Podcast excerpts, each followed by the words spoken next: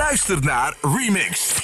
In deze podcast het gesprek met Sander Verhaar, oftewel DJ Sandstorm. En hoe hij samen met zijn broer het mixen ging starten in de jaren 90. Welcome to the world of mixing. Welcome to the world of DJs. This is Remixed.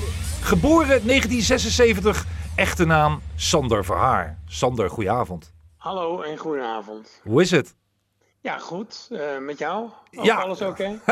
ja, prima. Het is een, eh, het, het is een, eh, leuke, een leuke periode zo.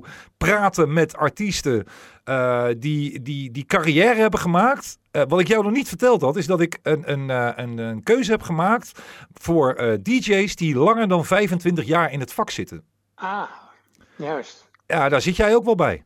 Ja, ehm 1992, 93 ongeveer. Dus ik zit er net boven, inderdaad. Ja. Maar was 92, 93, was dat gelijk al een carrière van een DJ die al fulltime, of nou niet fulltime, maar wel eh, hoge ogen gooide? Of was dat nog de beginfase? ik begon in eh 92, 93 in het jongerencentrum hier eh, in de buurt. En eh, daar eh, mocht ik voor het eerst op SL 1200 draaien. En dat dat was, was, was een hele grote uitdaging. En dat was heel tof. Wauw. Zo is het eigenlijk begonnen. Of tenminste, dat was het eerste eh, semi-professionele begin. Daarvoor was het natuurlijk allemaal thuis eh, te doen. Ja, Dat, eh, nou en die thuisperiode, want we gaan even Ja. terug, 76 geboren, Ja. dan, eh, dan, dan is er natuurlijk, ja die eerste 10, 12, 13 jaar ben je meer eh, wellicht al op muziek aan het oriënteren en krijg je muziek van je ouders en van je omgeving mee. Ja. Hoe was dat bij jou thuis, muzikale familie? Ja, behoorlijk. Eh, ik ben de jongste van vier kinderen. Dus eh, ik had allemaal oudere broers en zussen. Eén zus, twee broers. Eh, die waren... ehm, nou, één broer was twee jaar ouder. De andere broer vijf jaar. Mijn zus zes jaar. Die waren dus op het moment dat ik nog maar tien was... was dat al, zeg maar, aan het uitgaan. En... singeltjes aan het kopen. Dus ik kreeg dat allemaal wel vroeg mee. Dat was heel tof. Eh, en eh, mijn ouders zijn ook allebei erg muzikaal. Eh, mijn moeder speelde vroeger piano en is een enorme rock and roll liefhebber. Ja. Met, als grote fan is zij ook nog eens van Elvis. Mijn vader daarentegen was een enorme jazzliefhebber en hield van big band en bebop en andere moeilijke, eh moeilijkere jazz. Dus eh, nee, dat eh, was heel gevarieerd thuis allemaal. Dat is wel ons. Ja, maar dat verklaart ook wel een beetje die stijlen. Die, of Mhm. de stijl die jij eigenlijk al jarenlang draait. Of de stijlen moet ik dan zeggen. Want rock and roll voor je moeder en je vader meer de jazzkant. Dat is Ja. al wat anders dan bij mij thuis. Waar zeg maar gewoon. nou, wat zullen we zeggen. Neil Diamond en Rob de Nijs. eigenlijk een beetje het meest gedraaid werden. Ja, oké. Dus Ja. die verschillen. Dat geeft gelijk al een verschil aan van. eh, wat voor muziek heb je meegekregen vanaf het begin. Ja, dat is waar. Ja, en eh, dan, dan dus inderdaad ook nog mijn broers en zus. En eh, dat was eh, gevarieerd van Dire Straits tot eh, Duran Duran. Dus dat was een beetje de pop, rock en new wave van de jaren tachtig, zeg maar. Dus eh, ja. Ging, wat was je eerste singeltje? Eh, Europe, The Final Countdown. Nee, dat meen je niet. 1986 als ik het goed weet uit mijn hoofd. Wat een commerciële rakker. Of was, Ja. het, toen- was het toen gelijk al zo'n grote hit op dat moment toen jij hem kocht? Jawel, ja, volgens mij wel. En ik was natuurlijk helemaal eh, gecharmeerd van die synthesizer. Dat was natuurlijk, hè, dat het natuurlijk, het rockte ook wel erg leuk. Dat was tof. Maar ik vond die synthesizer wel helemaal te gek natuurlijk. Dus ja. Ja, logisch. Is het toen da- daarna, is het, heeft het zich ontwikkeld richting de dance of juist veel meer de andere kant, de alternatievere kant? Ja, dat is eigenlijk eh, ja, moeilijk te zeggen. Want als ik naar mezelf kijk, dan ben ik nog steeds een enorme eh veelvraat van muziek. En ehm, eind jaren 80, begin jaren 90 was ik heel erg gecharmeerd van allerlei hip-hop. RB, soul, hip-hop. Ehm, en dat was mede ook wel door wat er op dat moment. Ja, er waren grote hip-hop hits. De La Ja. Soul, Tribe Called Quest. Maar niet te vergeten ook gewoon in Nederland Tony Scott. En natuurlijk Ben Liebrand met allerlei producties. Onder andere natuurlijk ook voor Salt en Peppa en Tony Scott.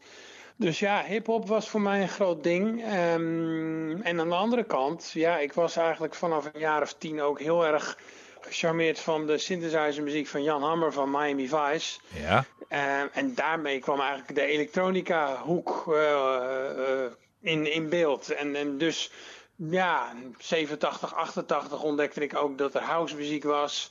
Acid House werd enigszins commercieel.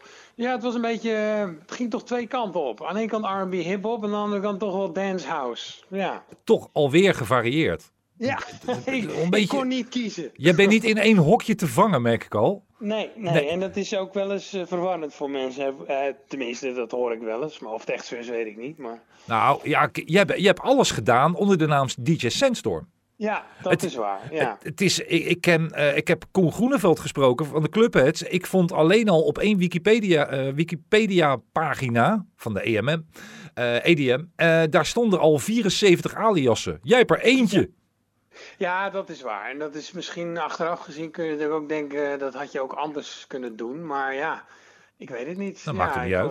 Dat- Ik was Sandstorm en dat was vanaf, een, eh, vanaf ongeveer 2000 ongeveer bekend op de radio. En ja, op die manier eh, raakte je dus bekend bij mensen en dat is eigenlijk zo gebleven. Ja. Ja, maar het, het mixen, want je begint dan, je krijgt je muzikale interesses, je vertelde het al, hip-hop, het begin van de house, de acid, nou, noem het maar op.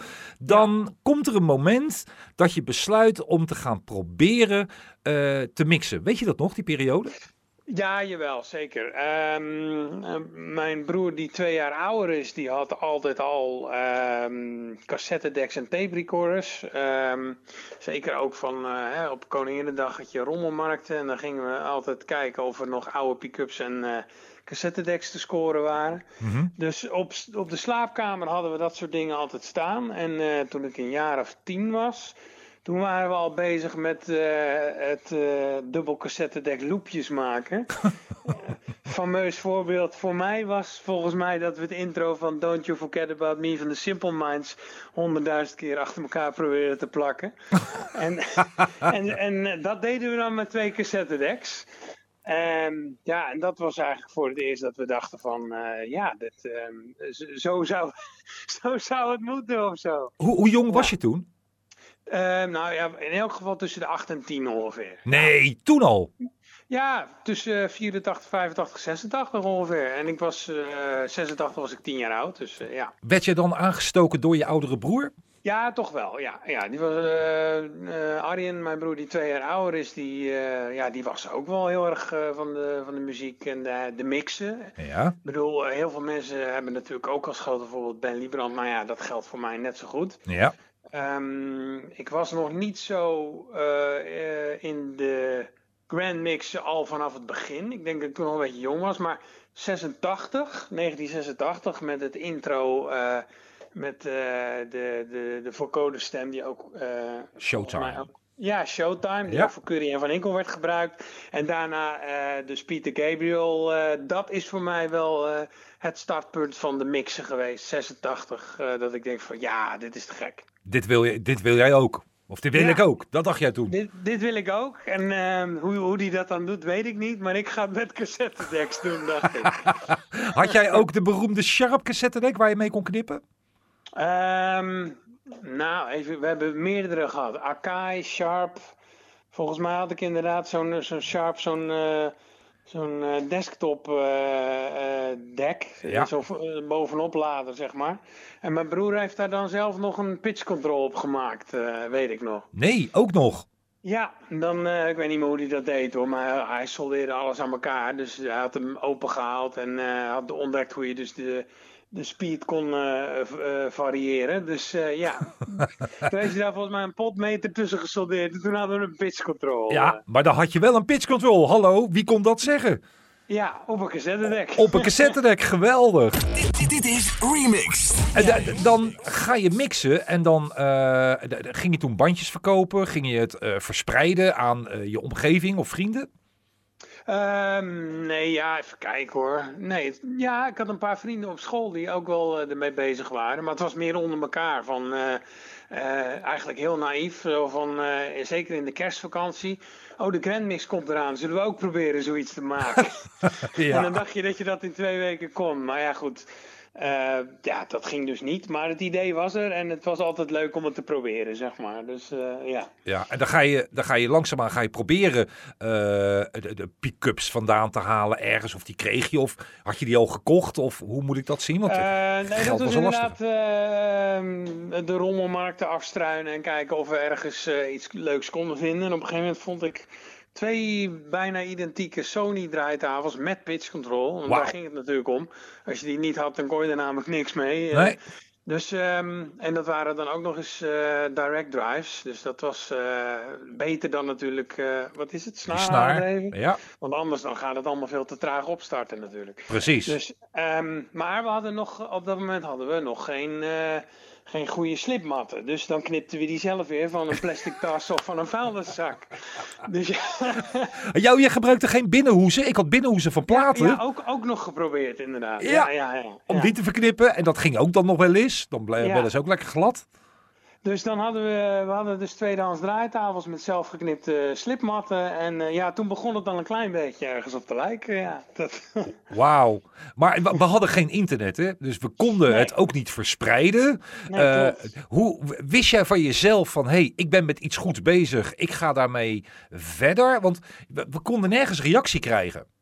nee, dat is waar. Ehm, even denken hoor. Ja, Ja, mijn, eerste, mijn eerste feedback was inderdaad wel gewoon mijn, mijn, eh, mijn familie en mijn vriendjes. En eh, ehm, ik weet wel op een gegeven moment, eh, het was 1991 denk ik, 92, iets daarvoor, ik weet het niet meer precies.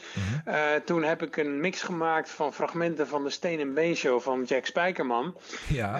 En dat vond ik zelf heel leuk gelukt. Ehm, eh, ik weet nog wel, Jack Spijkerman had een enorme hekel aan rapmuziek. Dus wat ik had gedaan was juist fragmenten van, van Jack Spijkerman op, op eh, hip-hop beats. en ik heb dat opgestuurd naar de Stenen Beestje op een cassette. En wonder eh, boven wonder heeft hij het een week later ook nog gedraaid op de radio. Dus Nee, dat meen je niet. ja, en dat was, eh, dat was wel heel tof. Het, was, het heette de Joep Mix. Ehm, je had op dat moment namelijk ook een, een, een luisteraar van Jack Spijkerman die belde wekelijks. Het was Joep. Die had altijd wat te klagen. Ja, De- dat klopt. De, de klaagbox, weet ik nog.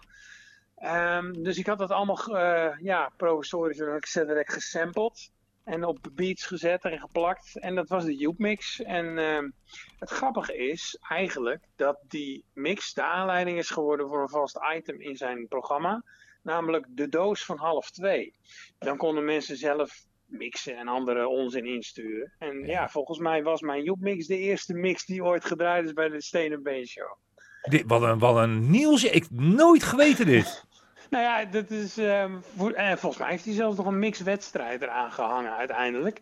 Ehm, Maar, Geweldig. eh, ja, dat was, dat, volgens mij was dat voor mij het eerste moment waarop ik dacht van, nou ja, hier wil ik wel verder mee. Ja. Ik probeer hem nu, eh as we speak, te zoeken eigenlijk op YouTube. Maar daar vind Mhm. ik hem niet. Is hij nog ergens te vinden? Eh, ik heb hem ooit wel eens op mijn site gezet. En Jack Spijkerman was een, een paar jaar geleden ooit nog eens te gast bij Extra Weekend bij eh Ekdom en Veenstra. En toen heb ik er ook nog een melding van gemaakt. Maar als het nergens te vinden is, dan zal ik hem je wel een keer eh, doen eh toekomen. Want dan is dat wel grappig, denk ik. Het zou geweldig zijn om het een keer te draaien. Want dat, zijn, Ja. dat is eigenlijk je, ja, je, je ontdekking. Het was je eerste stap. En dan, en, en dan wordt hij ook nog gedraaid. Ja, Het- de- wat, wat was je gevoel? Wat, ik kan me voorstellen.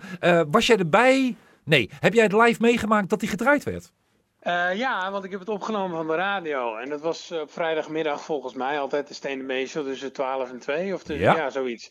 Ik, ja, ik zal wel thuis zijn geweest of vroeg van school, ik weet het niet meer. Maar ik heb het op cassette, dus ik heb dat nog inderdaad, ja. ja. Hoe was het gevoel? Eh, ja, was ontzettend gaaf, weet ik nog. Het, het gekke was wel, en dat vond ik dan achteraf weer jammer. Ik was vergeten mijn naam op het cassettebandje te zetten. maar, dus ik heb de week daarna heb ik nog een oldschool briefkaart gestuurd van... Hey Jack, dit was mijn mix. En dat heeft hij toen ook nog vermeld. Dus ja, dat was, eh, dat was grappig. Ja. Uniek. Maar vanaf dat moment wist jij het van... hey, hier ga ik mee door. Hier ga ik niet mee stoppen. Ja, dat klopt. En dat was eigenlijk inderdaad, komt dat, eh, sluit dat redelijk aan bij het moment waarop ik eh, later de mogelijkheid had om in een, eh, eh, jongerencentrum uh, in de buurt waar ik opgroeide op zaterdagavond te gaan draaien. Dus uh, ja, dat sloot goed aan. Precies, want dat is eigenlijk dan de volgende stap. Je, je, je bent dan thuis, ben je eigenlijk puur aan het, aan het frieken. Ja. de, de, mixen maken voor radio is heel wat anders dan het live draaien. Ja. De, de, locatie waar je ging draaien, of die, die, die, het was een jongere uh, een jongere soos, wat was het? Ja, klopt. De jongere soos was net nieuw, want uh, de oude soos was afgebrand, helaas. Dat was uh, natuurlijk heel triest, maar dat, dat, daarvoor kwam wel nieuwbouw in de plek. Ja. Dus we hadden een splinternieuw pand met ook nieuwe installatie. en ja, daar konden we dus gewoon op voor een dansvloer elke zaterdagavond draaien. We konden ook zelf het licht bedienen. En we moesten trouwens alles doen hoor. Je had bardienst, je, had, je stond bij de deur. Schoonmaken achteraf alles. Ook, ook toiletten schoonmaken, ja, alles. Ja. Maar dat was een enorme toffe leerschool. Uh, ja, dat was heel leuk. Wat is je daar nog van bijgebleven qua uh, muziek? Uh, qua, want je maakt dan ineens mee, dan moet je voor een dansvloer gaan draaien. Wat toch heel anders is dan het frieken thuis. Ja, klopt. Nou ja, goed. Je, eh, ik heb daar wel eh, geleerd dat je niet zomaar alleen maar je eigen smaak kan draaien natuurlijk. En dat je toch ook zeker wel commercieel uh, moet kijken van wat zijn de hits en wat, uh, wat slaat aan. Wanneer is de dansvloer leeg en wanneer uh, gaan mensen dansen. Dus ja, dat was de tijd van het begin van de Eurodance, denk ik. Too Unlimited, dat soort dingen. Ja, en dan moet je dus, dus dingen ook gaan draaien waarvan je zelf denkt van, nou, ga ik dit nou wel draaien? Ja, soms wel. Maar we waren ook wel een beetje eigenzinnig hoor. Want het, we begonnen in die tijd ook platen te kopen bij uh, platenzaken. Gewoon uh, 12 inches en zo. En, um, want we hadden van, van de show zelf hadden we CD-singles. Ja. En ja, wij wilden natuurlijk graag mixen. Dus we hadden die SL1200's en daar moest natuurlijk wel vinyl op. Ja. Dus gingen we zelf bij de lokale en regionale platenzaken... gingen we natuurlijk wel 12 inches scoren. Dus, uh, en in welke regio woon je? Uh, Zeeland, waar ik ben opgegroeid in uh, Capelle bij Goes. Dat is Zuid-Beveland voor degene die ooit in Zeeland geweest is. Maar daar, uh, daar, daar liggen mijn roots, zeg maar. Um... En had je daar ook importzaken? Ja, nou, we hebben een aantal zaken gehad die lang bestaan hebben. in Middelburg had je de Platenbaas. Daar kocht ik mijn eerste 12 inches. Onder andere Out of Space van The Prodigy heb ik daar nog gekocht. Ja. Um, nou, die haalde heel veel uh, muziek gewoon uh, inderdaad bestelde die in Amsterdam bij Boeddhisk en uh, Rhythm Import. Mm -hmm. um, in Goes had je later ook nog een, een Engelse platenzaak, Steve's Record Shop. En die, die haalden het zelf uit Engeland volgens mij. Dat was helemaal tof. Wauw. Ja, en als wij dan niet de dingen konden krijgen die we wilden hebben, dan gingen we zelf in de vakantie of in het weekend naar Rotterdam of Amsterdam. naar de nieuwe binnenweg in Rotterdam. naar of, of naar de Binnendijk uh, in Amsterdam, volgens mij, als ik het goed weet. Ja. En dan gingen we inderdaad naar Boeddhisk en Rhythm Import en uh, Midtown. En ja, want dat wilden we toch wel hebben wat er, wat er echt gedraaid werd, zeg maar. Dat ja. waren nog eens uitjes. Ja, dat was spannend en leuk en bijzonder, ja. Ja, dan, ben je, dan ga je verzamelen.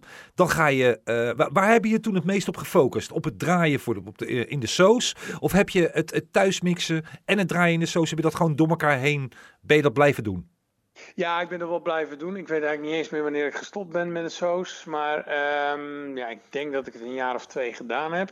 Okay. Maar in die tijd kreeg ik ook heel erg veel interesse in de wat minder commerciële dancemuziek.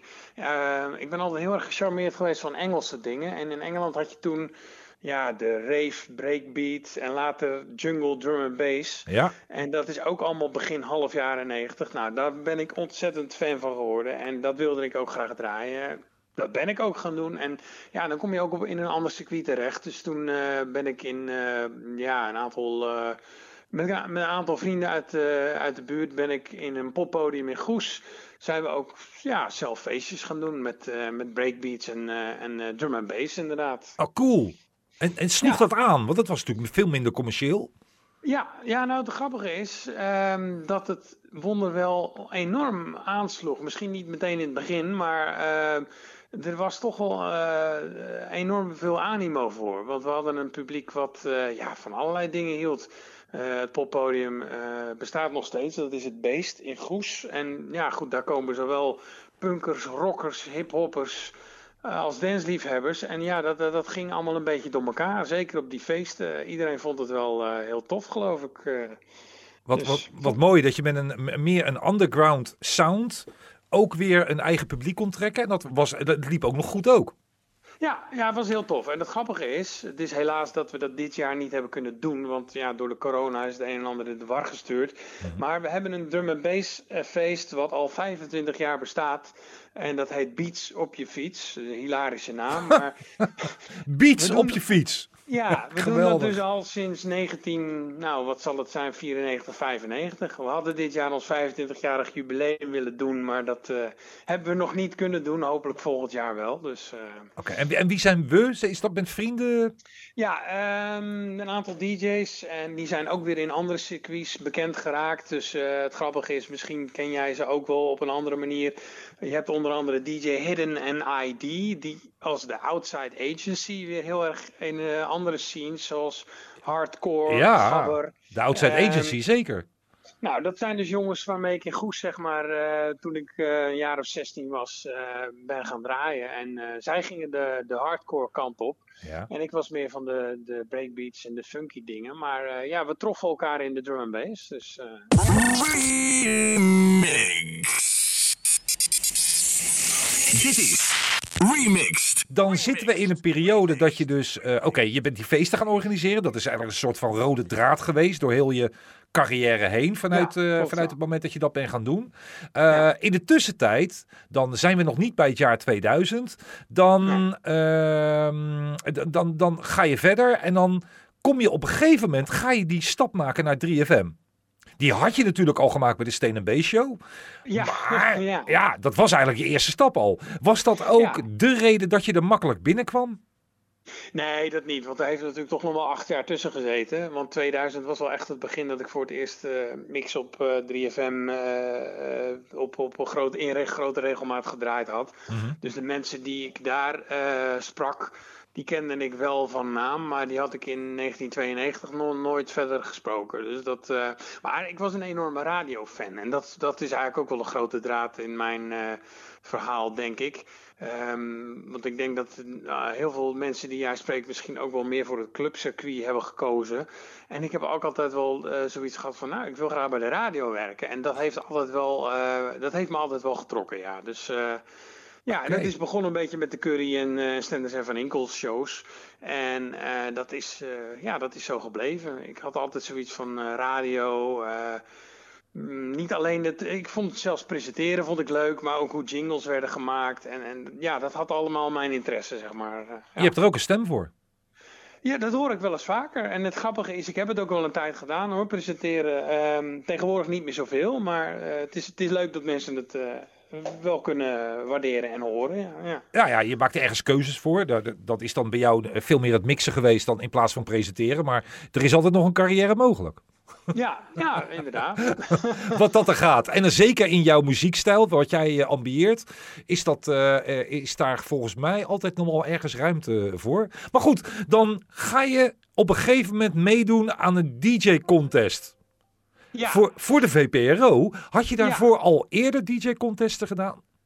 Ja, ehm, tenminste, ik moet even denken in welk jaar was dat voor de VPRO? Eh, dat zal. Op Wikipedia 2000 al? staat. Nee, er staat 97. Staat op de dat Wikipedia. Klopt, ja. Nou, dat is allemaal een beetje dezelfde periode geweest. In 97 heb ik inderdaad eh, voor die VPRO-contest ook nog meegedaan aan een mixwedstrijd. Volgens mij toen nog op de Music and Harmony beurs in eh, de jaarbeurs in Utrecht. Ja. Ehm, heb ik niks gewonnen, maar het was een hele toffe gelegenheid om toch eens een keer eh, eh, eh, je kunsten te vertonen. Was gewoon heel leuk. Ehm, grappig detail is overigens dat volgens mij op diezelfde beurs toen Ben Lieberand ergens eh, stond met zijn eh videowerk. Want er- in die jaren was Ben niet actief als DJ, maar juist met grafische vormgeving en, en, en video eh, mixen. Precies. Ehm, dus dat, eh, dat, ik heb hem toen daar niet gezien, maar later eh, hoorde ik van, oh, maar Ben was daar ook. Dus dat was wel grappig. Ja. Eh, maar 97, 98 is een beetje de periode geweest waarin ik inderdaad dacht van, eh, eh, ja, ehm, mixwedstrijden zijn wel een manier om je op de kaart te zetten. En toen heb ik in 98 ook meegedaan aan een regionale pop. eh, wedstrijd hier in Zeeland. En dat was meer als producer, want ik maakte ook al muziek toen. ook die, weer die breakbeats en drum en bass. Die wedstrijd dat heet de Zeeuwse Belofte, bestaat nog steeds. En dat is dus een regionale popmuziekprijs. En nou, het was heel raar, want ik stond met een Atari-computer, een synthesizer en sampler op een podium. Tussen allemaal andere deelnemers met gitaren, drums en... dus oh, heerlijk dat verschil. ja, maar de, ik als enige dance producer won wel de prijs. Dat nee! Was, uh, ja, mensen vonden het uh, aan de ene kant heel tof. Er waren ook mensen die het niet snapten, maar het was heel leuk, ja. Dat, eh, Geweldig. Maar wat jij er tussendoor ineens zegt, want dat intrigeert me dan helemaal. Je, je bent dan wel wat mixen, je doet mee aan DJ-contesten. Maar je zegt dan ook tussendoor van ja, ik produceerde ook al muziek. Ja, maar dat, dat is in de jaren daarvoor dus opgebouwd door het aanschaffen van apparatuur. Ja, klopt. Ja. Welke? Dat is eigenlijk allemaal die, um, nou laten we zeggen, de overgang van, eh, van uh, die cassettedecks naar het professionele. Dat is zeg maar uh, gebeurd in de periode dat ik een jaar of 16 was en ik ja, een baantje kreeg naast mijn naast mijn school. Ik ging uh, vakken vullen in de supermarkt. Ja. En daar kon je natuurlijk niet alleen uh, van dat geld kon je natuurlijk uh, van alles doen, maar ik wilde graag apparatuur kopen. Tuurlijk. Nou ja, goed, ik wist, ik wist wel ongeveer wat ik op dat moment nodig had. Dat is een synthesizer en een sampler. En mijn broer heeft volgens mij toen nog een tweedehands Atari computer geregeld. Ja, toen, toen, kon, ik, toen kon ik van start. Dus, Welke ja, sampler had je? Ik had een uh, Akai S01. Uh, daar, uh, dat was mono 15 seconden sample tijd. Wauw. ja. Maar daar kon ik toch heel veel uithalen. Dat was geweldig. Je kon, nu snap je het niet meer, want een, een, een ja, als je nu kijkt wat een gemiddelde laptop aan de geheugen heeft, dan denk je, vroeger maakten ze dus kennelijk een heel apparaat voor 15 seconden sample tijd. Maar uh, ja, dat was toen uh, voor mij uh, state of the art. En ja. ja. met, met 3,5 inch floppy disks. Dus ik, heb die, ik heb hem nog steeds en de samples doen het ook nog. Dus ja. Je hebt hem ook nog steeds? Ja, ja ik, heb, ik ben dit jaar weer een beetje begonnen om mijn oude nummers weer te gaan beluisteren. En dan start ik die Atari computer op en die sampler zet ik aan. En dan, het werkt nog steeds. Dus ja. Geweldig. Ik probeer ooit nog eens een keertje mijn oude eerste Ensonic EPS ergens uh, tweedehands vandaan te halen. Ik wil er alleen niet te veel voor betalen. Begier die, die je dan bent natuurlijk. maar ja, aan de andere kant, die apparaten waren toen de tijd, waren ze echt duizenden guldens. Ja, en ja, zeker. Jij zult er ook wel een, een paar duizend gulden voor hebben moeten sparen om die dingen te kunnen kopen. Jawel, ja, ik weet toch... Um, Dan ben je een heel tijdje aan het vakken vullen hoor. Ja, die, die, ik had een Yamaha synthesizer. Nou, dat was ook al best wel wat bijzonder. Want dat was een combinatie van FM-synthese. Nou, laten we het niet te technisch maken. Maar dat was een combinatie van aan de ene kant samples. Aan de andere kant FM-synthesizers waren in de jaren 80 heel populair. Zoals de DX7. Ja. Uh, nou, ja, je kon er hele toffe geluiden uithalen. En die, uh, nou, die had ik dus Um, en die was dan ook nog eens 16 kanaals. Dus je kon op 16 sporen kon je dus, uh, ja, je kon dus een heel nummer maken ermee. Ja. Um, nou, die sampler erbij, dat vond ik natuurlijk gaaf. Want dan kon ik uh, hip-hop beat samplen. Dat vond ik heel wat gek. En um, ja, die, met die, uh, die Atari computer die gebruikte ik als, als sequencer, eigenlijk als digitale bandopnameapparaat. Dus ja. Ja, geweldig. De, die Al, de allereerste nummers die je allemaal gemaakt heb je ook alles bewaard? Ja, ik heb het eerst allemaal op cassettebandjes gezet, uh, later uh, gedigitaliseerd en niet heel veel later had uh, mijn broer die had een behoorlijke computer met een behoorlijke geluidskaart en toen zijn we het ook gewoon allemaal als WAV-files zijn we het opgenomen. Dus ik heb ook al die nummers, die heb ik nog wel, ja. ja. Prachtig. En daar kun je nog steeds gewoon met volle trotsheid naar luisteren?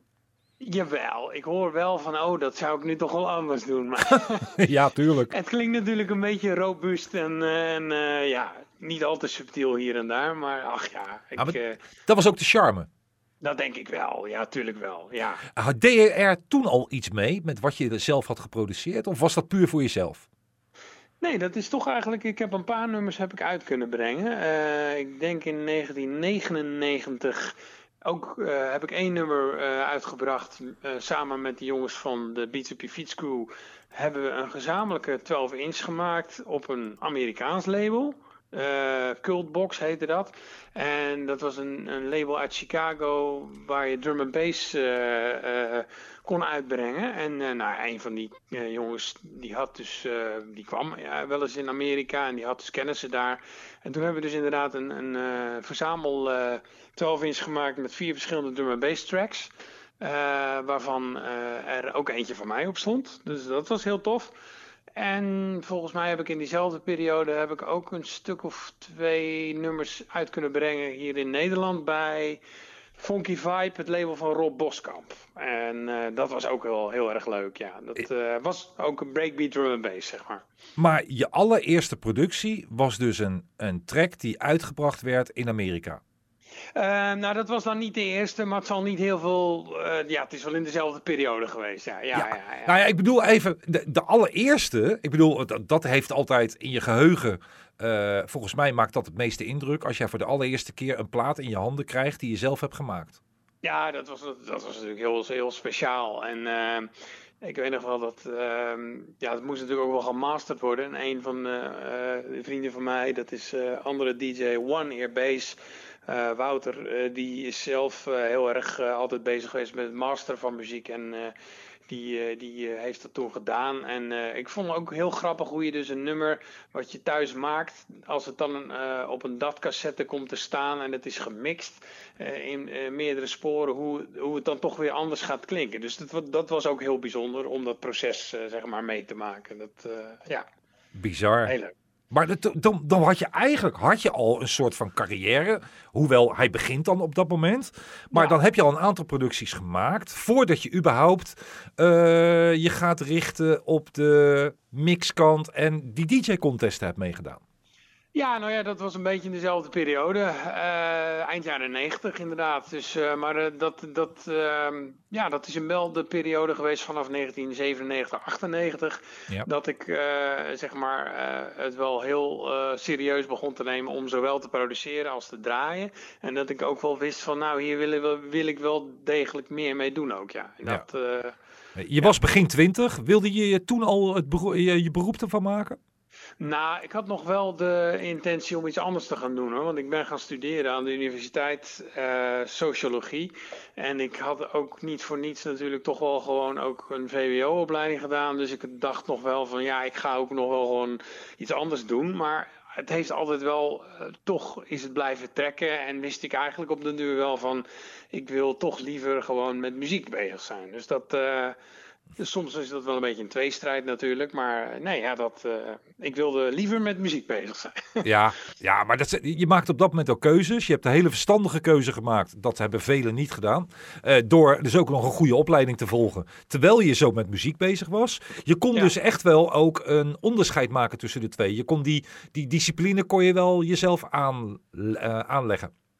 In het begin wel, Opleggen, uh, later uh, wat minder. Want ik, uh, ik was nog aan het studeren toen ik al in 2000 en verder natuurlijk ook ging mixen voor 3FM. En dat was in het begin echt nog wel gewoon, ik maak een leuke mix en ik vind het tof dat die gedraaid wordt. Dus ik was daarnaast gewoon lekker aan het studeren. Maar ja, dat is de energie die je steekt in het mixen, uh, dat nam wel de overhand. Dus ik moest studeren en in de weekends ook was, was ik nog aan het werk. Maar als ik dan thuis was, dan ging ik toch weer op mijn slaapkamer achter de knoppen zitten om iets te maken. Dus dat, dat, uh, dat uh, kreeg wel de overhand, ja. ja. Heeft dat ook nog invloed gehad op relaties? nou, ik, was, ik ben, ja, ik ben wel een laadbloeier, ja. Ik ben iemand die graag... Uh... ja, je bent niet de enige hoor.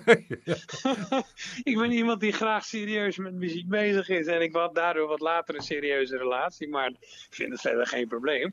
Mm. Maar uh, nee, ik was in het weekend of aan het werk of aan het studeren of muziek aan het maken. Precies. Ja, de, de, de, de, dames of mannen of weet ik veel wat. Ja, dat, was, dat kwam helemaal niet bij je op. Want je bent alleen dan met muziek bezig. Ja. Uh, als je met passie dan met die muziek bezig bent, dan moet eigenlijk alles er ook voor wijken. Ja, ik vond het wel heel tof toen ik in de shows draaide. Dat ik dus op zaterdagavond kon zien dat er ook dames aan het dansen waren. Dus dat was wel duidelijk. Ja, die aandacht maar, kreeg je wel al toen. Ja, dat was er een beetje. Maar het was wel, eh, op een gegeven moment wist ik wel van als ik serieus met muziek bezig wil zijn, moet ik er ook tijd voor maken. Dus ja, die discipline had ik dan inderdaad. Ja. Ja. Je luistert naar Remix. Remix. Ja, dan word je als remixer, komt de periode 3FM om de hoek. Je zegt al Ja. vanaf 2000. Eh, maar vanaf 2000 werd het echt heel veel. Het was eigenlijk, stond Sandstorm in mijn geschiedenis, en zoals ik het altijd heb gevolgd, Sandstorm was 3FM. Ja, dat is, dat is wel waar. Tot 2015 is dat in elk geval wel zo geweest. Ja, je kreeg daardoor de ruimte om mixen te maken die ook nog eens in jouw eigen straatje lagen qua, eh, qua eh, muziekstijlen. Omdat 3FM daar ook voor stond. Voor ja, de alternatief, het werd al iets commerciëler, maar nog steeds voor de andere muziek, daar moest je bij 3FM zijn. En dat was wel jouw straat. Ja, dat klopt. En dat, dat, is ook altijd wel, eh, daar ben ik ook altijd wel heel blij mee geweest dat dat er was. Ehm, eh, kijk, 3FM van 2000 is natuurlijk een ander 3FM dan bijvoorbeeld eh, eind jaren 80. En eh, 3FM van nu is daar ook niet mee te vergelijken. Maar ehm, ik vind het eh, ontzettend tof hoe je dus inderdaad rock naast dance had en ook nog hip-hop. Ehm, er is natuurlijk in de loop van de jaren heel veel veranderd. Maar ik weet nog wel dat toen ik ging luisteren, eh, eind jaren 90, heel bewust naar 3FM, eh, dat ik. ja, de vrijdagavond de VPRO met Luc Jansen, dat was voor mij een groot voorbeeld. Eh, je had een hip-hop programma met Casey de Funkaholic, volgens mij. Nou, later had je in de eh, begin 2000 had je Edwin Diergaarden met zaterdagavond eh, Ministry of Beats, volgens mij. Ja. Ja, dat was ontzettend tof om al die verschillende dingen naast elkaar te kunnen horen. En natuurlijk de rockmuziek net zo goed. Ik bedoel, eh, door de week, s'avonds bij de VPRO en overdag natuurlijk net zo goed ook. Dus eh, Hoe, hoe Dat werkte dat? Hoe werkte dat voor jou? Werd jij gevraagd om dus, of heb jij eerst een aantal remixen ingestuurd? Of eh, ben je op een gegeven moment in contact gekomen en hebben zij constante opdrachten gegeven? Hoe ging dat? Eh, het begon eigenlijk eh, heel, eh, heel toevallig. In de zomer van 2000 eh, hoorde ik Coshin met You. En dat was een plaat die volgens mij door Patrick Kik een beetje op de zender ge- gepusht is. Want die had hij volgens mij zelf op vinyl gekocht eerder dat jaar in Londen, als ik het goed begrepen heb. Ja. Ehm, eh, en ik hoorde daar wel iets meer in. Ik denk, oké, dit is een drum and bass track, dus dat lag al in mijn straatje. Ja. Maar ik vond hem ook een beetje eentonig. Ik denk, daar kun je ook wel wat anders mee doen. Nou, ik ontdekte eh, ook weer via mijn broer die eh, via Napster aan het downloaden was, dat je ook a cappella's kon vinden op internet. Dus eh, we hadden een a cappella van Hide You. Ja? En toen ben ik met mijn sampler aan de slag gegaan. En ik heb geloof ik het B-kantje van Pass the Dutchie van de Musical Youth. Heb ik een reggae loopje gepakt. Dat heb ik onder die You a cappella ge- gezet. Daar ben ik toen beats bij gaan maken. En met mijn synthesizer, met mijn Yamaha synthesizer weer wat dingetjes ingespeeld. En eh, ja, dat werd, een, dat werd een best wel pop drum and bass remix. En die sloeg wel aan. Eh, althans, ik, ik, eh, ik brandde acht cd'tjes. Die heb ik naar verschillende DJ's op 3FM gestuurd. En het was achter elkaar. Patrick Kikke, Giel Belen, Gerard Ekdom, die het gingen draaien. Want dat was op dat moment volgens mij, eh, hoe heette dat? Eh, 3FM Mega Hit of zo. Ja? Ehm, en in diezelfde week dat die mega hit werd, eh, werd, die dus, werd ook die remix gedraaid. Want normaal gesproken kwam gewoon het originele nummer elk uur voorbij. Maar eh, Giel Belen en Patrick Kikke en zo, die gingen gewoon die remix draaien. Dus je kon gewoon eh, op een gegeven moment overdag ook, eh, kon je gewoon de radio aanzetten. En hoorde je zomaar ineens, ik vond het zelf ook geweldig, hoorde je mijn remix. Dus dat was gewoon heel cool. En ehm, ja, zo is het een beetje begonnen.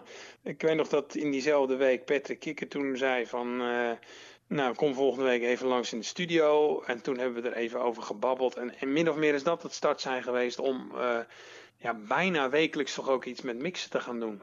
Wauw. Wat een mooi, mooi verhaal is dit, Sander. Eigenlijk is dit een, eh, gelijk voor iedereen die thuis zit eh, en eh, iets gedaan wil krijgen of ergens bekend wil worden. Haak in op het goede moment, maar dan ook heel snel. Want je hebt het heel snel gedaan, want het nummer moest nog megahit worden. En toen Ja. kende jij hem al. Je had hem bij Patrick al gehoord. En bent daar gelijk op gaan inspelen.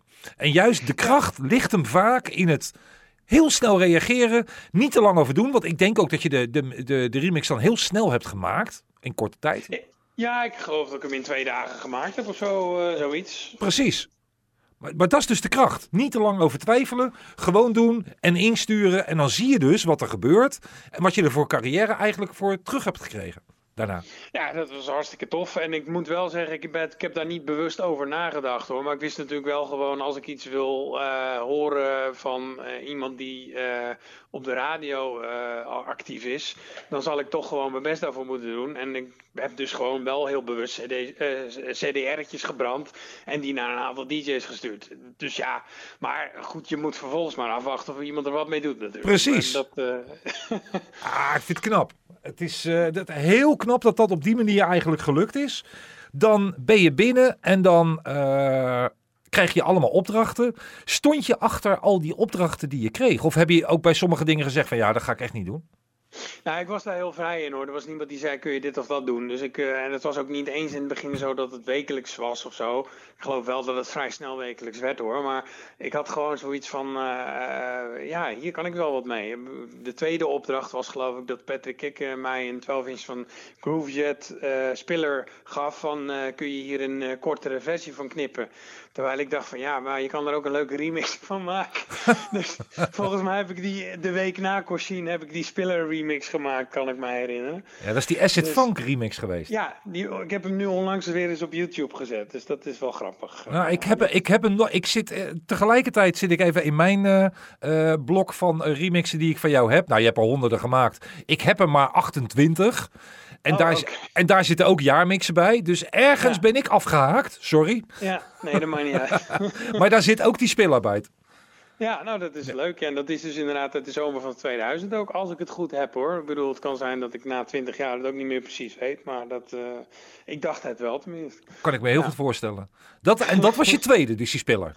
Ja, klopt. Ehm, er is eigenlijk nog één mix die niet op de radio geweest is. Dat was eigenlijk de allereerste. Ik heb namelijk in het begin van 2000 nog een remix gemaakt van Expo 2000 van Kraftwerk. Maar volgens mij is die nooit ergens op de radio geweest.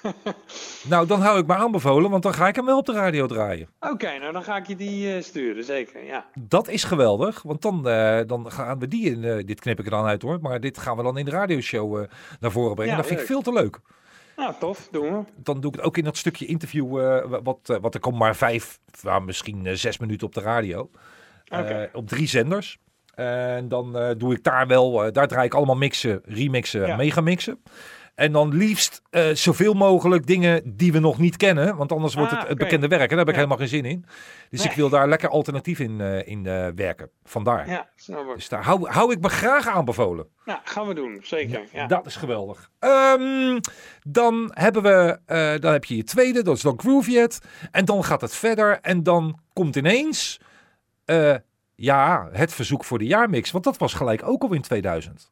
Ja, klopt. Ja, het was volgens mij in het najaar van 2000 dat eh, ook weer Patrick Kikker mij een mailtje stuurde van eh, kun je niet een opzetje maken voor een jaarmix, want dan willen we die misschien bij de Tros wel uitzenden. Dus dat was heel leuk. Ik eh, denk, ik had nog nooit een jaarmix echt professioneel gemaakt. Ik denk, Mhm. nou, dan moet ik dat eerst maar eens gaan proberen. Dus ik heb eerst een proef, proefje gemaakt van 10 minuten en dat, ja, dat ongeveer 30 seconden per liedje was dat dus inderdaad. Ja. Dus daar zitten dan toch alweer in die 10 minuten zo'n 20 liedjes zeker. Eh, ja, dat is Ja. dan wel. Dus eh, dat, eh, en dat is uiteindelijk ook eh, volgens mij het dance gedeelte van die mix geworden. Dus zeker het laatste kwartier zit daar ongeveer in verwerkt. Ehm, in die demo. Ja, die demo is later ook gewoon echt een deel van de mix geworden. En dat was tof, want die werd volgens mij op de zaterdag, de laatste zaterdag van het jaar, aan het einde van de Megatop 50 jaar overzicht, is die mix gedraaid. Als ik het goed kan herinneren, nog door Daniel Dekker toen. En anders was het Edwin Diergaarde. Maar in elk geval op die zaterdagmiddag, begin van de avond, zeg maar. eh. Hoe Ja. was dat? Ja, dat was bijzonder, want ik ben met mijn broer naar Hilversum gegaan. En dat was, eh, eh, ondanks dat ik al, al wel een keer in de, in de studio was geweest, was die jaarmix natuurlijk wel zoiets van, ja, dit is eh, eh, bijzonder. Omdat ik, ja, ik was ook fan van Ben Liebenand en van vroeger met je cassette dek klaarzitten op eh, oudejaarsavond. Dus het, eh, ik vond dat heel, eh, heel speciaal, ja, zeker. En Ja. er waren nog niet zoveel stations die überhaupt, ja ze waren er wel, maar nog niet zoveel die ook jaarmixen gingen uitzenden. Ja, ik, ik, weet- ik weet het eigenlijk niet eens. Ik weet natuurlijk dat Ben in eh, 2000 ook weer opnieuw begonnen is bij 538. En eh, verder weet ik eigenlijk niet of er eh, veel aan gedaan werd op dat moment. Ik kan hem ook niet precies meer eh, herinneren, inderdaad. Ja, ik ga, ik ga hem nu niet aanzetten. Uh, het is een beetje lastig. Nou ja, maakt voor de rest niet uit. Het gaat mij meer om het gevoel van je, je, hebt, je maakt een jaarmix. Dan, daar heb je wekenlang werk aan gehad. Je moet platen ook mixen waarvan je denkt van nou, misschien vind je er geen bal aan. Want je, hebt, je, je, je muziekstijl is weer, uh, zal ook weer, of je eigen muziekstijl, je favoriete stijl, is weer anders dan de muziek die ook in de jaarmix nou eenmaal uh, gedraaid moet, langs moet mhm. komen. Had, kreeg jij een lijst met platen die erin moesten? Nee, nee uh, de referentie was natuurlijk wel gewoon de grote hits uit de megatop 50. Dus dat, um, op een gegeven moment heb ik mezelf een beetje de discipline aangeleerd om in elk geval de top 10, top 20 uh, goed bij te houden. En uh, ja, op een gegeven moment weet je het dan inderdaad wel. En uh, ik was daar wel uh, redelijk vrij in. Ik heb er af en toe ook wel rare, obscure dingen in gestopt hoor. Ehm, ja, maar dat heb, je, heb, heb, ik altijd teruggehoord. In al jouw jaarmixen zaten altijd nummers die ik absoluut niet kende. Nou, nou ben ik niet representatief, maar ik bedoel, het is wel een teken. Het is gaaf om juist vooral gitaarwerk Mhm. Wat jouw handelsmerk is. Mijn vrouw is een gitaarliefhebber. Die zegt nu, vanavond zei ze nog, voordat we dit gesprek ingingen, zei ze nog van, als Sandstorm op de radio is, zet ik de radio altijd een tandje harder. Oké, dus, dat is uh, tof om te horen. Terwijl zij niet een specifieke uh, mixliefhebber is, maar wel een liefhebber van jouw mixen vanwege de stijl. Dus ja. vandaar. Ah, leuk. Dat is, het, uh, dat is denk ik ook hetgeen wat jou uh, zelf uh, speciaal maakt. Is dat jij, uh, je hebt nooit je eigen ehm, stijl verafgoot. Als, ik bedoel dus eigenlijk, je bent altijd in diezelfde lijn doorgegaan. Ja, dat klopt wel. Hoewel er natuurlijk wel een duidelijk verschil zit tussen wat ik uh, eind jaren 90 uh, nog ambieerde als uh, breakbeat drum and bass DJ. In vergelijking met wat ik op de radio ben gaan doen. Maar het, het, wat er natuurlijk wel duidelijk in zit, is het stempel van alternatieve muziek. Dat klopt wel, ja. Ja, ja altijd zo gebleven. Ja, dat is, dat is zo, ja, ja. Maar dat maakt het mixen... Kijk, iedereen die voor dance kiest... wil ik niet zeggen dat dat nou zo makkelijk is... want dat is ook vrij moeilijk om dat goed te kunnen doen. Maar het rockcircuit...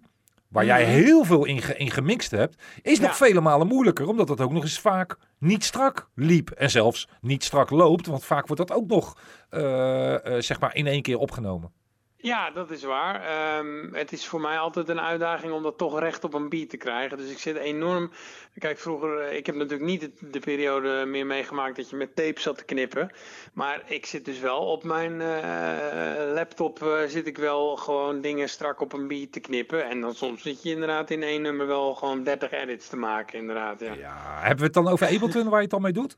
Nee, uh, is grappig, want heel veel DJ's werken natuurlijk in Ableton. Maar ik heb uh, mezelf uh, aangeleerd om in Pro Tools te werken. Wat eigenlijk bij, ja, bij veel geluidsstudio's op een gegeven moment zeg maar de standaard was. Ja. Dat kwam ook weer een beetje door mijn radiowerk. Ik wilde graag op een gegeven moment ook als, als audiodesigner, als jingle en promo-maker aan de slag. En dat heb ik ook een aantal jaren fulltime gedaan. En dat betekende wel dat je ook in Pro Tools moest kunnen werken. Dus ik toen ik dat eenmaal kon, ben ik er ook in blijven werken. Dus ik maak mijn remixen, mashups en uh, eigen tracks ook gewoon in Pro Tools. Remixed. In die hele periode, zeg maar tussen 2000 en 2016, het zijn wel gelijk 15 jaar waar ik het over heb, uh, is, is, is er daarin mixen de hoofdmoot geweest en ben je minder gaan produceren? Uh, ja, minder producties, dat klopt. Ik ben uh, zeker vanaf een jaar of 2003 ben ik steeds meer gaan mixen voor radioprogramma's. En vanaf 2006 werd het echt een wekelijks item op de vrijdagavond. Want je had eerst nog de Koen en Sanders Show op 3FM. Ja. En daar is later extra weekend met Gerard Ekdom en Michiel Veenstra voor in de plaats gekomen. En die hadden mij. Ik had bij Koen en Sander had ik al dat ik één keer in de paar weken op vrijdagavond een mix moest maken. Dat was toen nog een pool van DJ's. Uh, eh, volgens mij heette dat gewoon Mix in the Weekend. En dat was uh, één keer in de drie weken moesten we dan een mix maken. En vanaf september 2006 begon Extra Weekend. En dat was echt, uh, die hebben zeg maar een beetje het idee van de minimix overgenomen. Want ze noemden het ook twee platen over negen. Ja. Um, gelukkig noemden ze het niet minimix, want dat had niet, dat had niet gekunnen natuurlijk. Het werd Operation DJ Sandstorm. En dat heb ik uh, van 2006 tot en met 2013 wekelijks gedaan. En dat betekende wel dat ik gewoon elke week uh, echt continu bezig was om een mix van vijf minuten met ook een stuk of vijf, zes uh, liedjes uh, te maken, zeg maar. Ja, maar dat is wel een, vooral de discipline om het vol te houden iedere week. Dat is wel heftig geweest. Ja, maar ik vond het wel heel tof. Want ik kon dus inderdaad gewoon doen wat ik wou als het maar 3FM muziek was. Dus ik kon zeggen van nou weet je wat, ik mix Pink met The Doors en ik doe er nog Run DMC doorheen. En als het even kan, doe ik ook nog even Lenny Kravitz. En dat was gewoon een ontzettend grote uitdaging. Ja. Geweldig. Hoe, uh, hoe kwam jij dan tonaal uit? Want had jij uh, vanaf het eerste moment dat je zeg maar een recordbox of een, of een hoe heet het ook alweer, mixed in key had, heb je dat gebruikt om het tonaal goed te krijgen? Nee, sterker nog, ik heb daar nooit mee gewerkt. Het is grappig, maar het is Ben Liebrand geweest die op een gegeven moment tegen mij zei... Um, uh, of ik vroeg aan hem, hoe doe, je, hoe doe jij het dan? Nou, hij liet mij gewoon een, uh, een uh, ik weet even niet hoe je dat moet noemen, zo'n ding. Maar het is eigenlijk gewoon een mondharmonica om, om toonsoorten te, te, te, matchen. Je ja. blaast dus gewoon een toon. Je ziet dan ook op, op de toon die je blaast, staat gewoon de, het notenschrift staat erbij. En je ziet dus gewoon, oké, dit is een F, dit is een A. Uh, hetzelfde kan je natuurlijk doen met een piano. Je kan een piano uh, toets aanslaan en je kan horen, oh dit is een C, dit is een D. Mm -hmm. um, dus je kunt gewoon een, uh, ik gebruik als referentie inderdaad gewoon een, uh, of een piano toets of inderdaad zo'n zo'n apparaatje om, om de toonsoort te beluisteren. Dus ik heb eigenlijk altijd op mijn eigen gehoor vertrouwd en niet op software. Altijd? Ja, nog steeds tot op de dag van vandaag. De, de mix die ik net gemaakt heb voor de top 1000 alle tijden heb ik nog steeds op die manier gedaan. Geweldig. Dat zijn er maar weinig die dat doen, omdat ze juist al, omdat het zo makkelijk wordt gemaakt met alle programma's waar dat allemaal voor je wordt uh, aangegeven. Ja. En waardoor je dus eigenlijk gewoon de tracks naast elkaar kan leggen en alles wat in aanstaat zou je dan in theorie, want dat is het belangrijkste, daar wil ik ook naartoe. Ja. Uh, dus als je, als je het programma dan zijn gang laat gaan en je hebt dan twee platen waarvan het lijkt alsof ze in dezelfde toonsoort zijn, dat wil nog niet zeggen dat ze ook bij elkaar passen. Nee, Nee, en, en, ik heb dat zelf ook wel regelmatig, want ik, ik gebruik dus, um, ik gebruik geen recordbox overigens, maar ik draai een Serato. Doet er verder niet toe, want dat is gewoon, iedereen, iedereen heeft zijn eigen format om in te draaien, maar ik werk heel veel met uh, Serato DJ. En daarin, uh, de, de software doet dat natuurlijk ook voor je, maar dan zie ik vervolgens dat dat helemaal niet klopt met wat ik zelf hoor. Dus dan ga ik het naast elkaar leggen en dan denk ik, oké, de software analyseert dat dit uh, A mineur is, maar ik hoor dus duidelijk dat het E of F is. Weet Precies. Je wel? Dus dat... ja, ja, maar dan, dan zijn er ook nog jongens die gaan dan later de, de, de schuld geven aan de apparatuur. Van ja, ja, ik heb die mix wel goed gemaakt. Maar ja, hun gaven aan dat het allebei A mineur was. Ja, ja, dan denk ik, en dat is misschien niet voor iedereen even duidelijk, maar muziektheorie is natuurlijk niet iets wat je uh, alleen maar door een apparaat moet laten doen, maar waarbij je toch je eigen gevoel en gehoor toch ook een rol moet laten spelen. Ja, ja maar de technische ontwikkeling maakt het voor iedereen wel makkelijk om zich ook DJ te voelen. Ja, dat, dat is waar. En uh, dat, is, dat vind ik ook verder niet, uh, niet vreemd of zo. Want ik bedoel, ja, datzelfde geldt voor allerlei andere disciplines ook. Fotografie bijvoorbeeld. Uh, ja, je, Precies. Hebt een je hebt een telefoon en je kan foto's maken. Ja, je hebt tegenwoordig apps om mee te DJ'en, maar ja, dat is nog niet hetzelfde als, als, als, iets moois maken, denk ik. Nee, nee, absoluut niet. Hey, Sander, een onderdeel wat we eigenlijk helemaal niet belicht hebben, ook niet bij uh, je eerste platen die je had uitgebracht. Uh, het financiële aspect. Werd jij, zeg maar, bij het, bij, bij, toen die allereerste plaat uitkwam in Amerika, zat daar überhaupt een financiële vergoeding? Stond dat er tegenover? Ik kan me dat niet eens precies herinneren, maar volgens mij was er wel iets van een royalty uh, percentage. En ik heb me ook inderdaad in die tijd ook gewoon bij Buma Stemra ingeschreven. En uh, voor de Amerikaanse release weet ik het even niet meer, maar ik weet wel dat de tracks die ik in Nederland heb uitgebracht bij Funky Vibe, dat dat wel gewoon inderdaad uh, ja, dat was gewoon een royalty-percentage, ja. Oké, en hoe was, jij, hoe was jouw vertrouwen richting... Kijk, men zegt altijd in die platenbusiness, je moet aan niemand vertrouwen, moeilijk, want ze gaan het alleen voor eigen geld. Hoe was jij in het... het want je moest dus ook een contract ondertekenen toen bij Funky ja. Vibe. Hoe, hoe was dat? Was ging je daar vol, uh, vol zelfvertrouwen heen? Of had je nog een beetje argwaan? Of hoe, hoe was je gevoel toen? Nou, hij was wel oké. Ik heb ook verder. eh, ik, eh, ik, ik was ook iemand die graag eh, muziekbladen las en op de hoogte wou blijven van allerlei dingen in de media. Dus ik had, ik had volgens mij toen de Dance Update, dat was zo'n danceblad. En ik luisterde wekelijks naar danceprogramma's op de radio. En ik wist wel ongeveer in welke. In welke scene tussen aanhalingstekens ik wilde zitten. En ik had dus wel uitgezocht van oké, als ik iets met drum en bass wil doen en breakbeats, dan weet ik een aantal labels die daarmee bezig zijn. En ik had ook wel vertrouwen in de mensen die dat deden op dat moment. En dat waren onder andere in Nederland dus eh, Funky Vibe eh, en zo had je nog een paar eh, labels. Maar er waren ook niet zoveel labels in Nederland die, die zeg maar wat meer met die alternatieve Engelse dansmuziek bezig waren. Dus er was niet een enorme grote markt. Kijk, als je natuurlijk had gezegd ik wil graag techno of trance maken, dan had ik waarschijnlijk veel meer eh, mogelijkheden gehad. En dan waren er misschien ook wel veel meer spelers geweest om uit te kiezen. Of om, eh, Dus nee, het was voor mij wel een overzichtelijk eh, wereld op dat moment. Dit was ook precies wat jij wilde. Weet je nog wat de eerste plaat heeft gedaan? Is dat een succes geweest? Weet je iets van verkoopaantallen? Nee, ik, ik geloof niet eens dat het zo bijzonder was hoor. maar ik weet wel, en dat vond ik wel leuk. een drum and bass nummer van mij staat op de allereerste Nederlandse drum and bass compilatie. En dat is wel heel leuk. En of die nou heel goed verkocht heeft, weet ik niet. Maar de CD heet Pop and Dance versus Drum and Bass.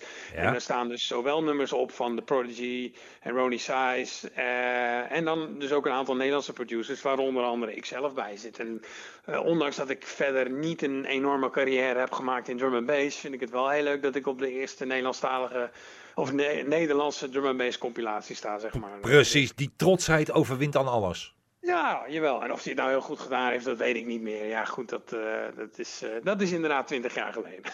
Geen probleem, geen probleem. Die, en, en, en zat daar ehm, de, überhaupt de radio mixen? Is dat een vrijwillig ding geweest? Of is dat ook wel, je hoeft geen bedragen te noemen, want dat gaat me niks aan. Maar eh, is daar überhaupt, zit daar een financiële vergoeding tegenover? In het begin was dat heel gewoon vrijwillig. Ik weet nog dat het gewoon inderdaad was op een, zoals ik het net vertelde, van eh, Patrick die bijvoorbeeld wist van eh, hier heb ik een nummer, kun je daar wat mee? En Ja. op een gegeven moment was het ook gewoon dat ik op zondagmiddag in de Cyber Top 50 was dat toen nog bij de Tros, bij Edwin Diergaarde en Patrick Ikke, eh, had ik een mix gemaakt van iets wat op dat moment hoog stond.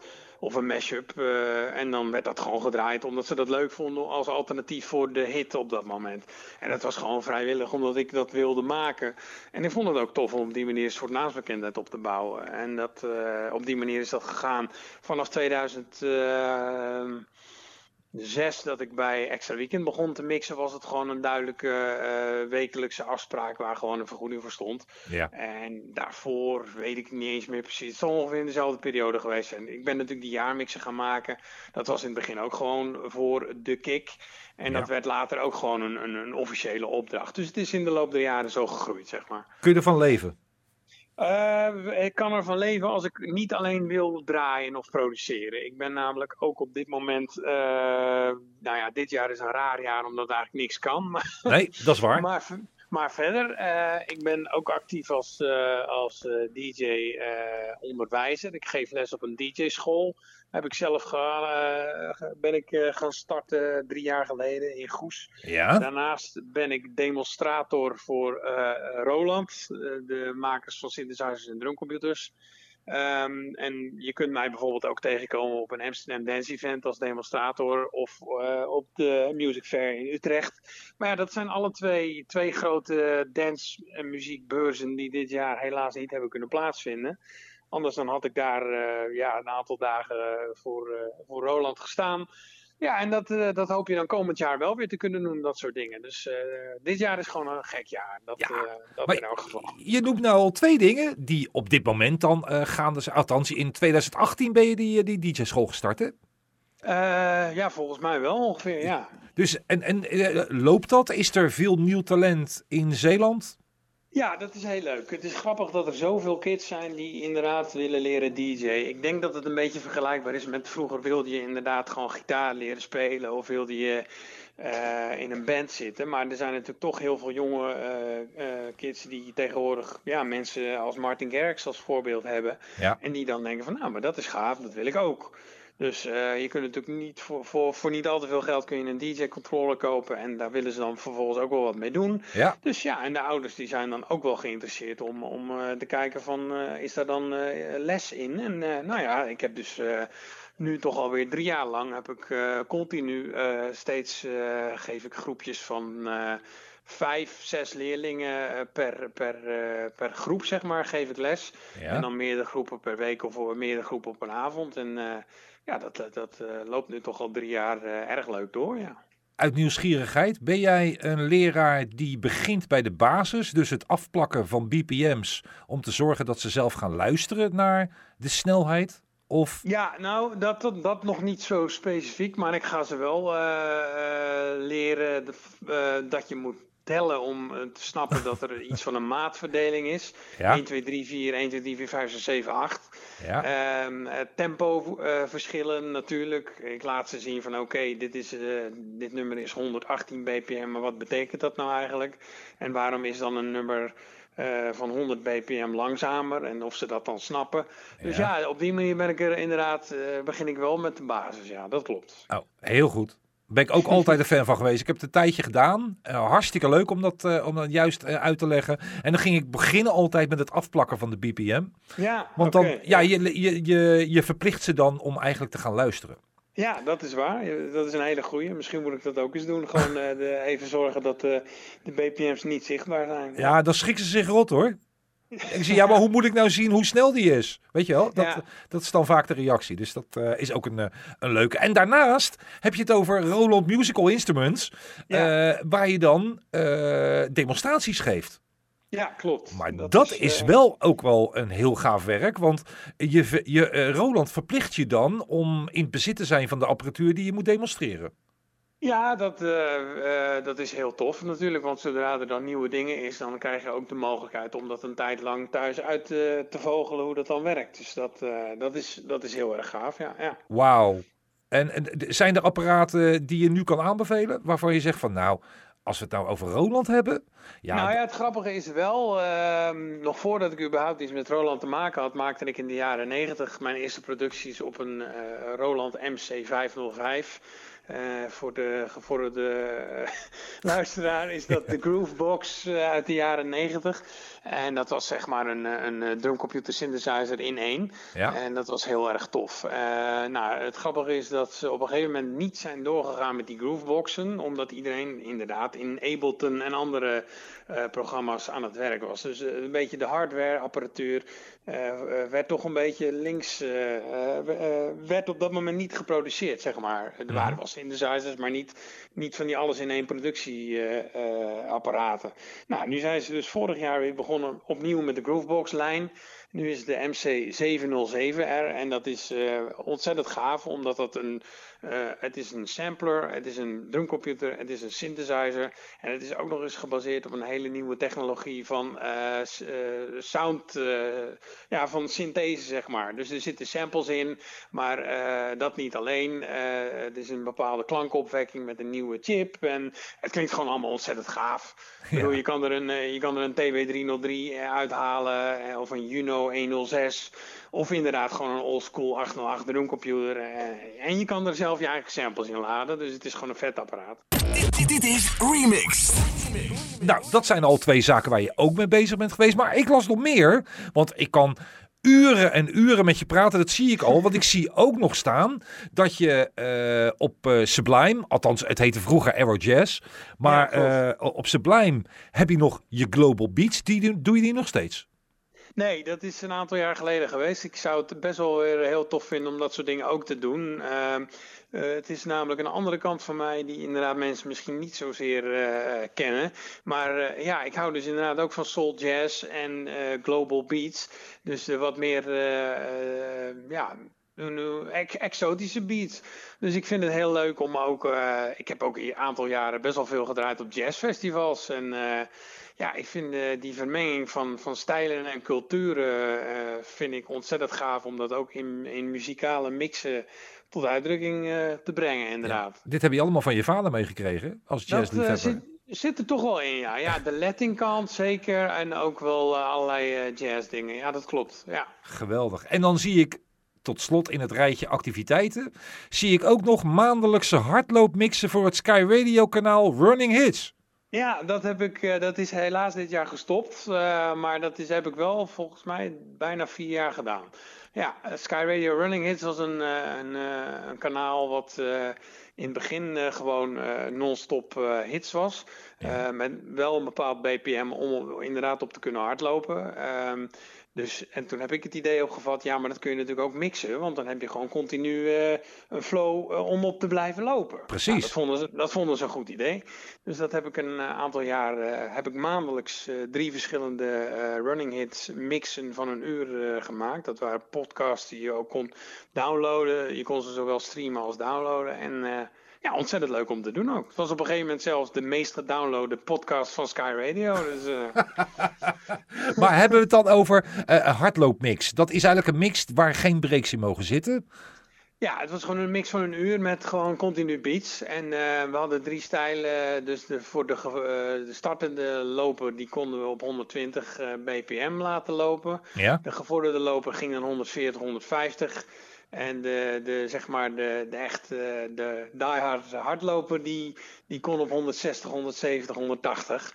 Dus uh, ja, dat was, uh, waren drie verschillende mixen. Maar wat voor muziek gebruik je dan bij 160, 170, 180? Dan denk ik gelijk aan hardstyle hardcore. Ja, nou, dat, nee. Ik ben op een gegeven moment wel gaan kijken van wat moet dat dan zijn. Het moest natuurlijk wel in het Sky Radio format liggen. Maar wat, wat bleek, en dat is wel heel erg leuk. Er zijn ook allerlei drum and bass mixen van commerciële nummers. Dus je kunt gewoon uh, een uh, drum and bass mix vinden van Ed Sheeran of uh, oh. ja, Pink.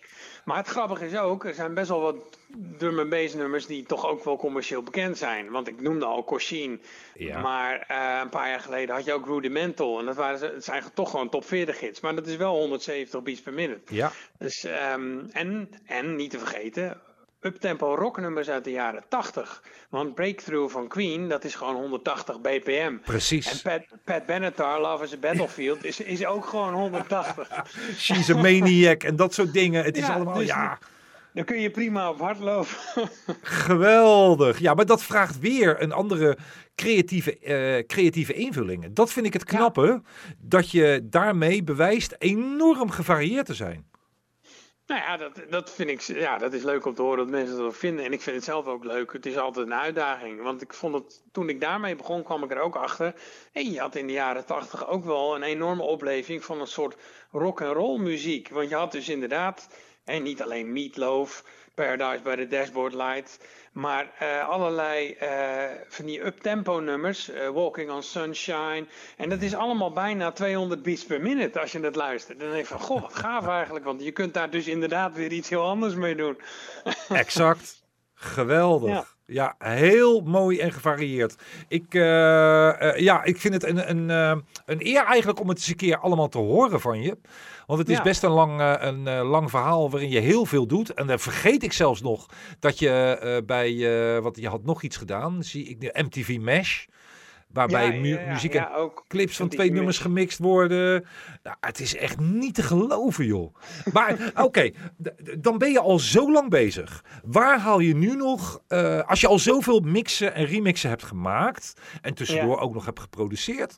Dan uh, moet je nog ergens je motivatie in vinden. Of een soort van ambitie om ergens nog te komen. Jij was al, vanaf 2000 was je al bij 3FM te horen. Dat was jarenlang mijn droomzender waar ik ooit een programma wilde gaan presenteren. Dat is, mm -hmm. natuurlijk, dat is natuurlijk nooit gelukt. Dat is helemaal niet erg. Maar waar, waar haal jij nu nog je ambitie uit? Of je inspiratie? Uh, goh, het grappige is dat ik ook weer, en dat zal misschien de leeftijd zijn, ik ben inmiddels 44 en je gaat ook weer een beetje terugkijken. Um, uh, dus ik luister nu ook weer heel veel uh, muziek die ik luisterde toen ik 12 was. Dus toen ik net begon. Toen ik door had met die cassettebandjes dat ik er iets mee wilde. Dus ik luister nu bijvoorbeeld ook weer heel erg naar uh, muziek van uit de jaren 88, 92. En dan haal ik daar toch wel weer inspiratie uit. En als ik dan bijvoorbeeld nu een nummer van Terence en Darby hoor, of een, hoe, een, uh, hoe een nummer als. Uh, ja, hoe bepaalde nummers van George Michael zijn geproduceerd, of oude hip-hop. En dan denk ik van ja, dat is inmiddels toch alweer 30 jaar of meer geleden. dat vind ik nu eigenlijk weer verfrissend klinken. Want ik ben op een gegeven moment wel een beetje uh, afgestompt geraakt van EDM-muziek, waar ik veel minder mee heb. Van, van uh, ja, kijk, ieder voor zich hoor. Want ik kan me best voorstellen dat mensen houden van de muziek van Martin Garrix en, en noem het maar op. Ja. Maar ik, op een gegeven moment had ik wel zoiets van, nou, ik wil graag muziek met iets meer diepgang. En um, daarom vind ik het juist wel weer tof om nu eh, toch weer ook naar andersoortige muziek uh, weer te luisteren. En dan, uh, ik had het eigenlijk ook al een beetje nu met de top 1000 alle tijden mix voor Veronica. Je gaat dan ook weer heel erg luisteren van, goh, hoe waren die nummers toen? En als je er dan echt weer middenin zit, dan denk je van shit, wat is het eigenlijk ontzettend goed geproduceerd. En daar, haal ik, daar haal ik nu mijn inspiratie uit, ja, ja. Ja, en ambitie? Want wat wil je nog ehm, bereiken op, dit, op, op muzikaal gebied? Nou, toch wel wat hoor. Want ik heb inderdaad ooit wel wat dingen uitgebracht. Maar dat is natuurlijk niet veel geweest. Ik ben meer met radiomixen bezig geweest dan met zelf dingen uitbrengen. Dus eigenlijk zou ik nog wel. Eh, de ambitie is er dan toch wel om zelf meer met muziek uh, produceren en uitbrengen be brengen, bezig te zijn. Oké, maar wanneer gaat dat er komen? Nou, de muziek is er wel. Uh, nu nog een goed label. Of, en dat, oh, je hebt de muziek al gemaakt? Uh, er zijn natuurlijk ook mogelijkheden om het zelf uit te brengen. Dus ik zit voor mezelf wel uit te vogelen van hoe ga je dat doen. Ja, dat, uh... Maar je hebt al het een en ander op de plank liggen dus? Jawel, ja. Dat, zijn, uh, dat gaat richting de, toch weer richting de breakbeats en drum and bass. Ja. Oké. Is, daar nog, is daar nog een groot publiek voor op dit moment? Eigenlijk, het is toch wel een enorm groot genre geworden, ook wereldwijd. Want het, vroeger was het vooral Engels. Eh, maar het, het, is toch ook wel uitgewaaid over de hele wereld. En, en het is natuurlijk niet zo commercieel als uh, gewoon uh, eh, EDM-muziek. Mhm. Maar er, er, zijn wel gewoon, uh, ja, er zijn toch wel grote labels die dat nog steeds allemaal uitbrengen. En het is grappig dat er dus ehm, labels waar ik vroeger heel erg gecharmeerd van was, bijvoorbeeld Metalheads Records uit Engeland, van, van een grote artiest als Goldie, dat bestaat nog steeds. Um, labels uh, waar bijvoorbeeld artiesten als Ronnie Size uh, nummers uitbrachten. dat bestaat ook allemaal nog. Dus het is, uh, en het is natuurlijk ontzettend gevarieerd, want die muziek klinkt niet meer zoals in de jaren 90.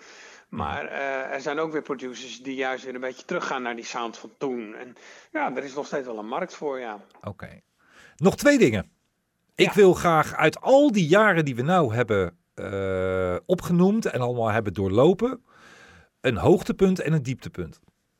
Een hoogtepunt en een dieptepunt. Oké. Okay, uh, goh. Even denken hoor. Ja, ik denk ik sluit af met een makkelijke vraag. Goed. Nou, het hoogtepunt. Uh, optreden op North Sea Jazz drie jaar geleden. Ja, 2017. Uh, eh, met een saxofonist en een trompetist. Rick Mol, trompet, Angelique van Os, saxofonisten, waarmee ik heel graag samenwerk. En met z'n drie hebben wij 2,5 uur op het dak van uh, de. Uh, hoe heet Ahoy. het ook weer? Uh, Ahoy. Maar dus altijd de DJ staat te draaien. Hebben wij dus 2,5 uur op zaterdagmiddag in de volle zon gedraaid. Dat was voor mij een heel groot hoogtepunt. Ja. Wauw. En dan liep het Hoe, hoe ging dat dan? Want konden mensen daar gaan kijken? Of was dat als zij stonden te wachten om binnen te komen? Of hoe, Nee, het is echt een apart dek om, uh, waar mensen gewoon uh, kunnen drinken. En uh, gewoon, het is altijd een DJ-deck. Volgens mij is het de Tigris Stage. en, dus mensen komen er echt wel heen om echt te genieten van DJ's. En ja, er, er, staat ook een YouTube-filmpje van op mijn YouTube-kanaal. Het stond gewoon wel helemaal vol met mensen. Ja, en dat is was uh, echt wel heel tof. En het was goed weer, dus dat was alleen maar, uh, dat, speelde, uh, dat speelde ook een rol. Ja. Heerlijk, ik kan het zo voor me zien. Het is nou ja. ijskoud buiten, maar ik, ik zie zo'n zonnetje zie ik wel bovenop Ahoy. Huppakee, geweldig. Ja. ja, en dan, en dan het, het, het, het, dieptepunt. Althans, het hoeft nog geen eens het echte dieptepunt te zijn, maar nee. echt een, een periode waarvan je zegt, of een moment, dat was nou minder leuk. Uh, goh, misschien het stoppen van een extra weekend. Want ik had een wekelijkse mix voor uh, bijna acht jaar. En ik moest ineens mijn eigen wekelijkse ritme was ik kwijt. En ik had ook wel zoiets van, ja, maar ik vind het nog steeds tof om te doen. Waarom stopt het nu? En het was natuurlijk niet een dieptepunt in zoverre, maar het was wel jammer gewoon. Want ik, ja, ik had er nog steeds heel veel lol in. En dat was ook wel elke week weer een uitdaging om iets uit de kast te trekken wat ja, toch weer beter was dan de week daarvoor, zeg maar. Dus uh, ja, ja, dat is dan meer een moment, uh, de dieptepunt als zijnde. Ik vond het ook vreselijk dat extra weekend stopte. Want ik vond het uh, op die, die jaren zeker het mijn favoriete programma op de, op de Nederlandse radio. Ja. Maar is er dan een moment geweest, want dat, daar bedoel ik eigenlijk naar. Is ja. er een moment geweest dat jij een besluit hebt genomen ergens wat je achteraf dacht van, dat had ik eigenlijk niet moeten doen? Oh, op die manier. Mm, nee, ik sta, uh, of, uh, niet dat ik nu op dit moment weet. Ik sta eigenlijk altijd wel achter de dingen die ik doe. En natuurlijk ben je op een gegeven moment ook wel eens bezig met iets. of zeg je iets of doe je iets waarvan je achteraf denkt: ik had dit anders kunnen doen. Maar dat heeft iedereen, denk ik wel. Ja. En ik heb daar, daarin zitten in mijn muzikale carrière op dit moment nou niet enorme fouten volgens mij. Oké, nou ja, want het kan ook zijn dat je, dat je ergens een, een mix hebt gemaakt of een wedstrijd of weet ik veel waar je aan mee hebt gedaan, waarvan je achteraf denkt van nou dat had ik eigenlijk niet moeten doen, want dat is niet mijn ding. Nee, nee. Ik heb eens een keer, dat was gewoon meer hilarisch. Ik heb eens een keer voor uh, Rob Stender heb ik nog een uh, remix gemaakt van Frans Bauer. en dat zou je natuurlijk niet echt met, mij, uh, met mijn muzikale smaak kunnen associëren. Maar ik denk dat je dat gewoon met een knipoog moet zien. dat, ah, dan vind ik het knap dat je eigenlijk een heel doordachte carrière hebt meegemaakt, Sander nu toe. Ja, maar het is nou niet zo dat ik daar heel... Ja, ik ben er wel bewust mee bezig. Maar ik, ja, ik denk toch wel dat de creativiteit altijd wel voorop heeft gestaan. Ja, dat, Precies. Uh... Remixed, de podcast, is een onderdeel van de radioshow Remixed. Die wordt uitgezonden op diverse radiozenders. Iedere week hoor je twee uur lang de beste mixen, mashups en megamixen. Dankjewel nu voor het luisteren. Ik ben Harold Zwaardman.